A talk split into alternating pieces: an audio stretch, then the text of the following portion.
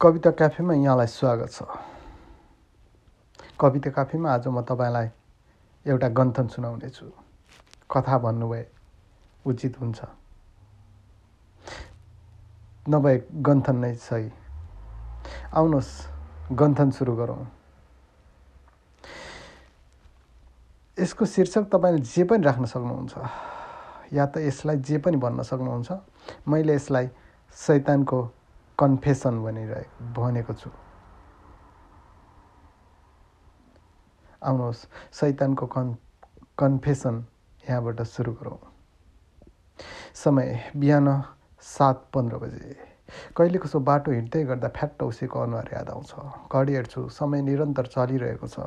उसको याद आउँदा मैले सधैँ घडी किन हेर्छु भनेर मैले कहिले एकान्त एकान्तमा गरिएको छैन। अब चेतन मनको कुरा मैले बुझ्दिनँ। सिरेटो पनि भन्न पाइँदैन। बिहानै उठ्नुपर्छ। आज अल अल्छी लाग्यो भन्न पनि मिल्दैन। आठै बजे हाजिर भइसक्नुपर्छ। जिन्दगी भन्नु पनि के? बाँच्नु छ। मर्न सक्ने हिम्मत छैन। मर्ने डरले नै बाँच्न सिकाएको छ। कस्तो कठिन। डराएर बाँच्नुको अर्थ जस्तो जिन्दगी। फेरि पनि घरिघरि ऊ नै आइपुग्छे मुस्कुराउँदै। सम्झनामा। घडी हेर्छु समय निरन्तर चलिरहेको छ। पाइला छिटो छिटो चाल्छु। आठै बजे जसरी हाजिर हुनु छ। यता म दौडिरहँदा ऊ भने बिस्तारामा जाग्ने तर्खर तर्खरमा होली वा बिस्तारैमै पो होली कि? वा कामबाट फर्किँदै पो छ कि? डिसेम्बरका दिन त्यसै चिसो सिरोटोको मोजमानी चल्छ।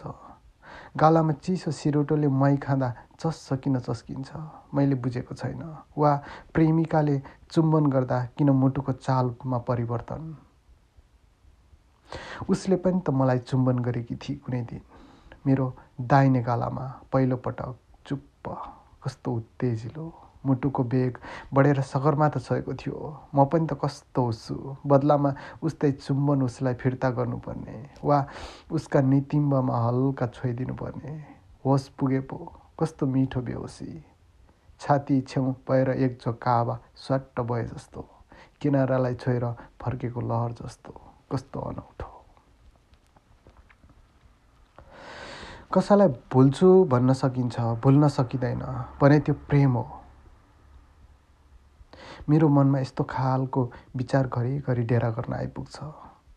मेरा जवानीका वर्षहरूमा उसको र मेरो भेट अनायासै भएको थियो।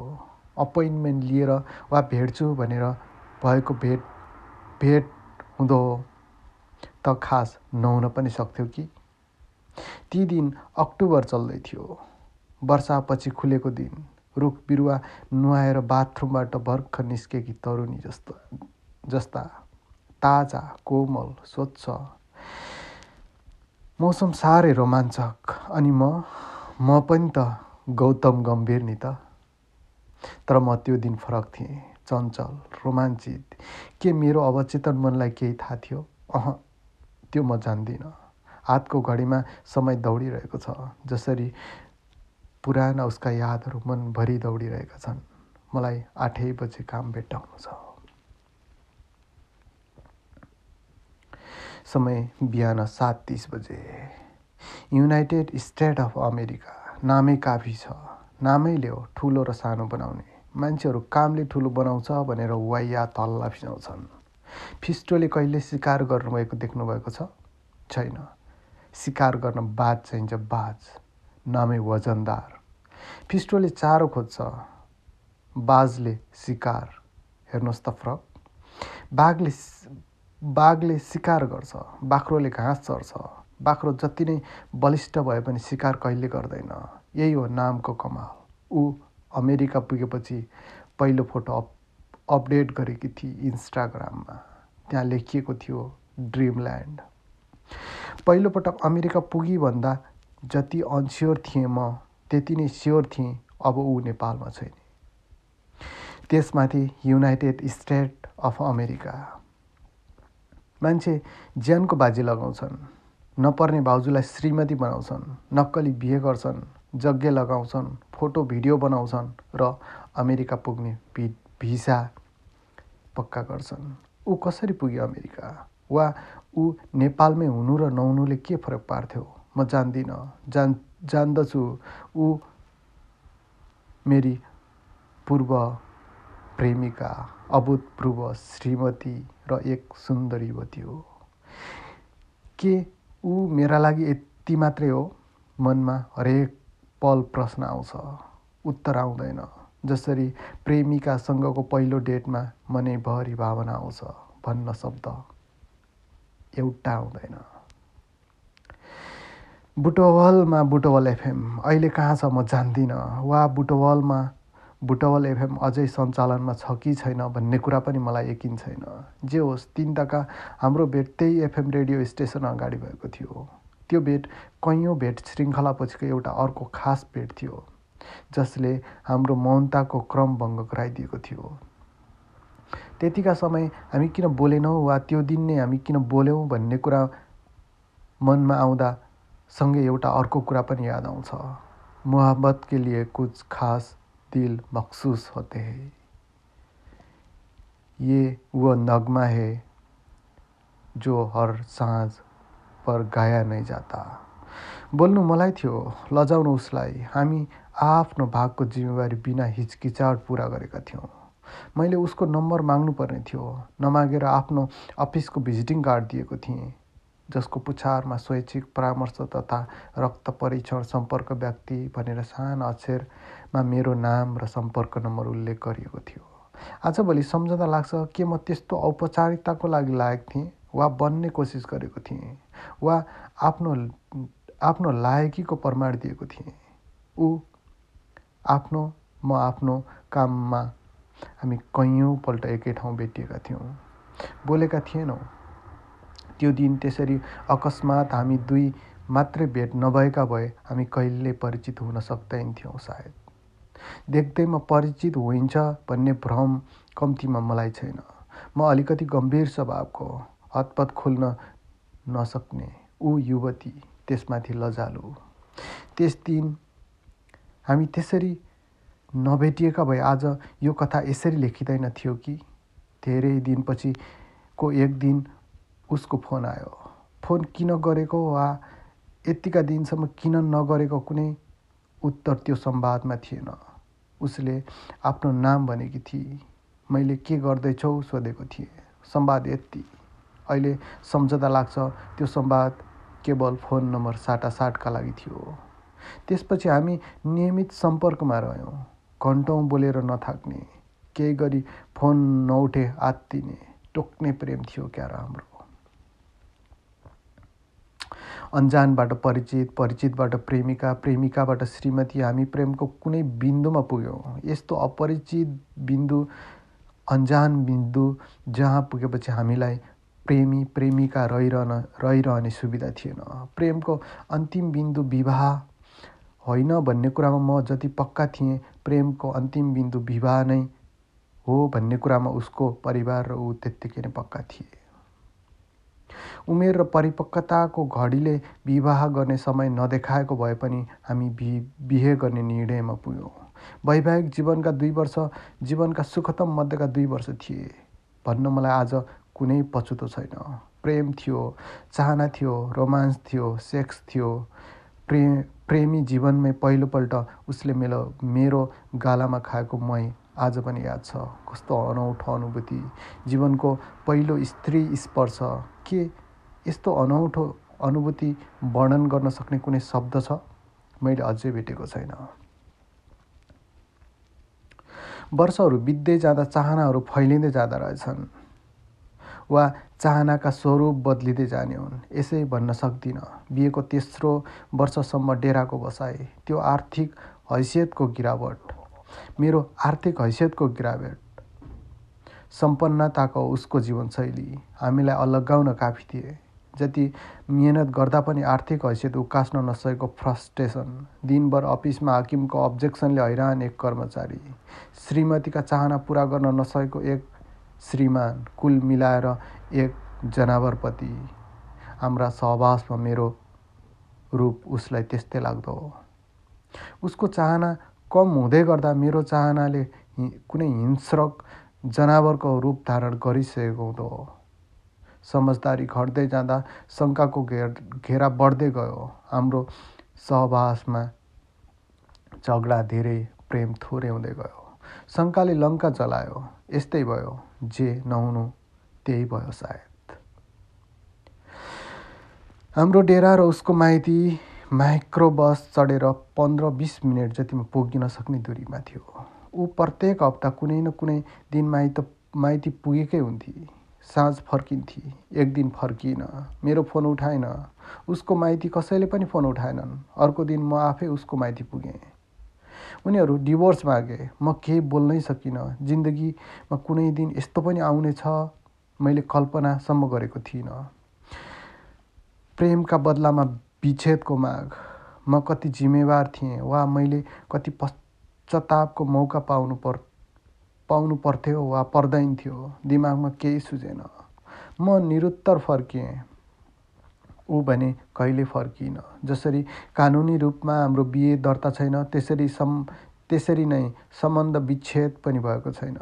त्यसपछि न उसले पुनः कुनै दिन डिभोर्स मागी न मैले हाम्रो सम्बन्ध मिलाउने झन्झट नै गरेँ। हामी अनायासै भेट्यौँ र स्वभावैले छुट्यौँ। समय बिहान सात पैँतिस बजे। समयको हुरी र विपन्नताको आहतले मलाई पृथ्वीको कुनै अर्को गोलार्धमा पुऱ्यायो। म एक दिन जापान उडेँ। मैले उड्ने बेलामा उसलाई केही भनिनँ। यसै पनि हाम्रो सम्पर्क नभएको करिब दुई वर्ष जति भइसकेको थियो। हाम्रो सम्पर्क हुँदैन थियो तर हामी फेसबुकमा साथी थियौँ। हामीलाई हामीमा कुनै समझदारी थिएन तर इन्स्टोमा इन्स्टामा हाम्रो फलो फलोइङ थियो। न उसले मलाई ब्लक गरी न मैले अनफ्रेन्ड नै अनफ्रेन्ड गर्ने आवश्यकता नै सम्झेँ। यति बेला म व्यस्त सहरको व्यस्त रोडको व्यस्त ट्राफिक लाइट कुरिरहेको छु। ट्राफिक लाइट रातोबाट हरियो नहुन्जेल र हरियोबाट रातो नहुन्जेल मलाई पारी पुग्नु छ। बाटो पारी अझ पुग्नु छ। बिहान साँझ हातमुख जोड्न जोड्न नगद नारा नआउने ठाउँसम्म। घडीले आठ बजाउनै लागेको बेला म एक अपरिचित महिलाको छेउ छेउनेर उभिएको छु। डिसेम्बरको बिहान धुम्म छ आकाश खुलेको छैन। महिलाको स्कर्टबाट नितिम्ब पिँडौला सुलुत्त खुट्टा पुरै खुलेको छ। ठिक यसै समय ऊ मेरो सम्झनामा पुनः झुल्की। लगभग यस्तै त थियो उसको शारीरिक संरचना। मैले लुकामारी गरेका उसका कुना काप्छ सम्झनाको बतासले स्वर्णिम सम्झना बोकिलाउँछ। सहवास सहवासका केही काउकुती लगाउने केही बिर्स्यालो लाग्ने। कसरी पुग्यो अमेरिका? म बेखबर छु। खबरित हुन इच्छा भने छैन। मलाई केही जान्नु छैन। तर कल्पना सोच र सम्झनाहरू मेरो नियन्त्रणमा पनि छैनन्। मलाई नियन्त्रण गर्नु पनि छैन। कुनै दिन म उसको प्रेमिका भएको भएको साँचो हो। कुनै दिन ऊ मेरी प्रियसी भएको पनि साँचो हो। हामी पति पत्नी भएको पनि साँचो हो। हामी एक अर्काको शारीरिक संरचनासँग खेलेको पनि साँचो हो। जीवनमा पहिलोचोटि परम सुख साटेको पनि साँचो हो। उसलाई मेरा हरेक अङ्गको उचाइ थाहा छ। उस्तै मलाई उसका हरेक कुना काप्चाको गहिराइ थाहा छ। कोमलताको मुलायमता थाहा छ। घर्षणको मादकता थाहा छ। छुवाईको उत्तेजना थाहा छ।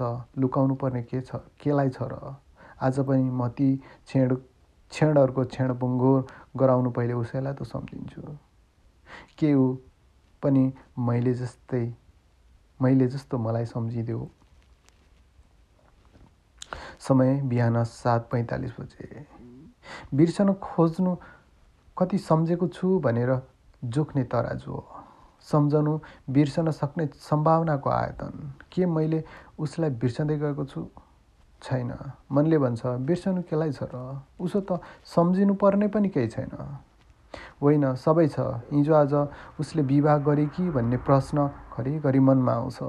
बिहे गरे त फेसबुकमा फोटो राख्नुपर्ने वा इन्स्टामा इन्स स्टोरी जे होस्। अगाइ पदाई जे पनि सेयर गर्ने म जस्ती त ऊ पक्कै पनि कहिले कहिल्यै थिइनँ। बरु मेरो स्वभावलाई व्यङ्ग गर्दै भन्थे शेरबहादुर। र यस्तो यसो कुनापट्टिबाट जिब्रो निकालेर बायाँ आँखा झिमिक्क झिम्काउँथे मैले कहिले कहिलेकाहीँ लाग्छ उसले बिहे गरी कहिलेकाहीँ लाग्छ सुटुक्क टुक्क म्यासेज गरी सबै कुरा सोधौँ। फेरि फेरि अहमता अहमता पहाड बनेर मेरो सामु आउँछ। त्यसलाई पार गर्ने जोस मसँग कहिले भएन। होस् चलेकै त छ। ऊ बाहेक उसको खबर दिने मान्छे मेरो फ्रेन्ड लिस्टमा अरू कोही छैनन् मैले त्यस्तो कोसिस कहिले गरिनँ। उसका साथीहरूका बारे मैले कहिले वास्ता गरिनँ। माइतीका अरू पनि खासै याद भएन। त्यो बेला फेसबुक इन्स्टाको यति धेरै प्रचलन पनि थिएन। केही मान्छे मात्रै यसको पहुँचमा थिए। बाँकी कोहीसँग मोबाइल बाँकी कोहीसँग मोबाइल। धेरै त संसारको नयाँ प्रविधिबाट निकै पर पर पो थिए। त्यो जमाना त्यस्तै थियो। एकाएक मेरो मनमा प्रश्नले च्वास्स गोच्यो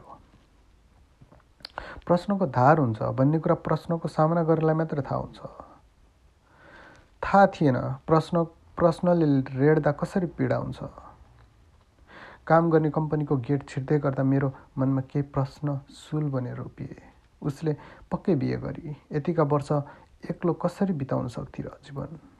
हामी छुट्टिएकै आज करिब छ वर्ष भयो। त्यसमाथि अमेरिका त उसलाई एक्लै जान पक्कै दिनन् उसको आफन्त।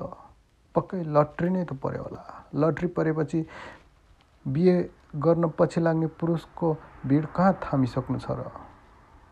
एकाएक मन उस उसले बिहे गरी भन्नेमा पक्का पक्की रोकियो। प्रश्नहरूको घोचाइ रोकिएन। उसले अरू कसैको शरीर कसै उसले अरू कसैको शरीर कसरी सुम्पियो होला? उसले अरू कसैलाई आफ्नो शरीर कसरी सुम्पियो होला? शरीरको उचाइ र केसको कोमलता कसरी महसुस गरियो होला? उसका भूगोलका खोजहरूमा अरू कसैलाई अरू कसैलाई कसरी लुट लुटपुट लुकायो मैले चुमेका रसिला ओठहरू कसरी रस कसरी सकियो होला? अरू कसैको ओठमा जो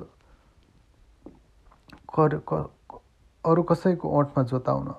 के उसले आनन्दको उत्कर्षमा शीतकार्दा झुक्किएर मेरो नाम लियो होला। उसले अरू कसैको छातीमा कसरी निदाउन सकियो होला जसरी मेरो छातीमा निदाउँथे।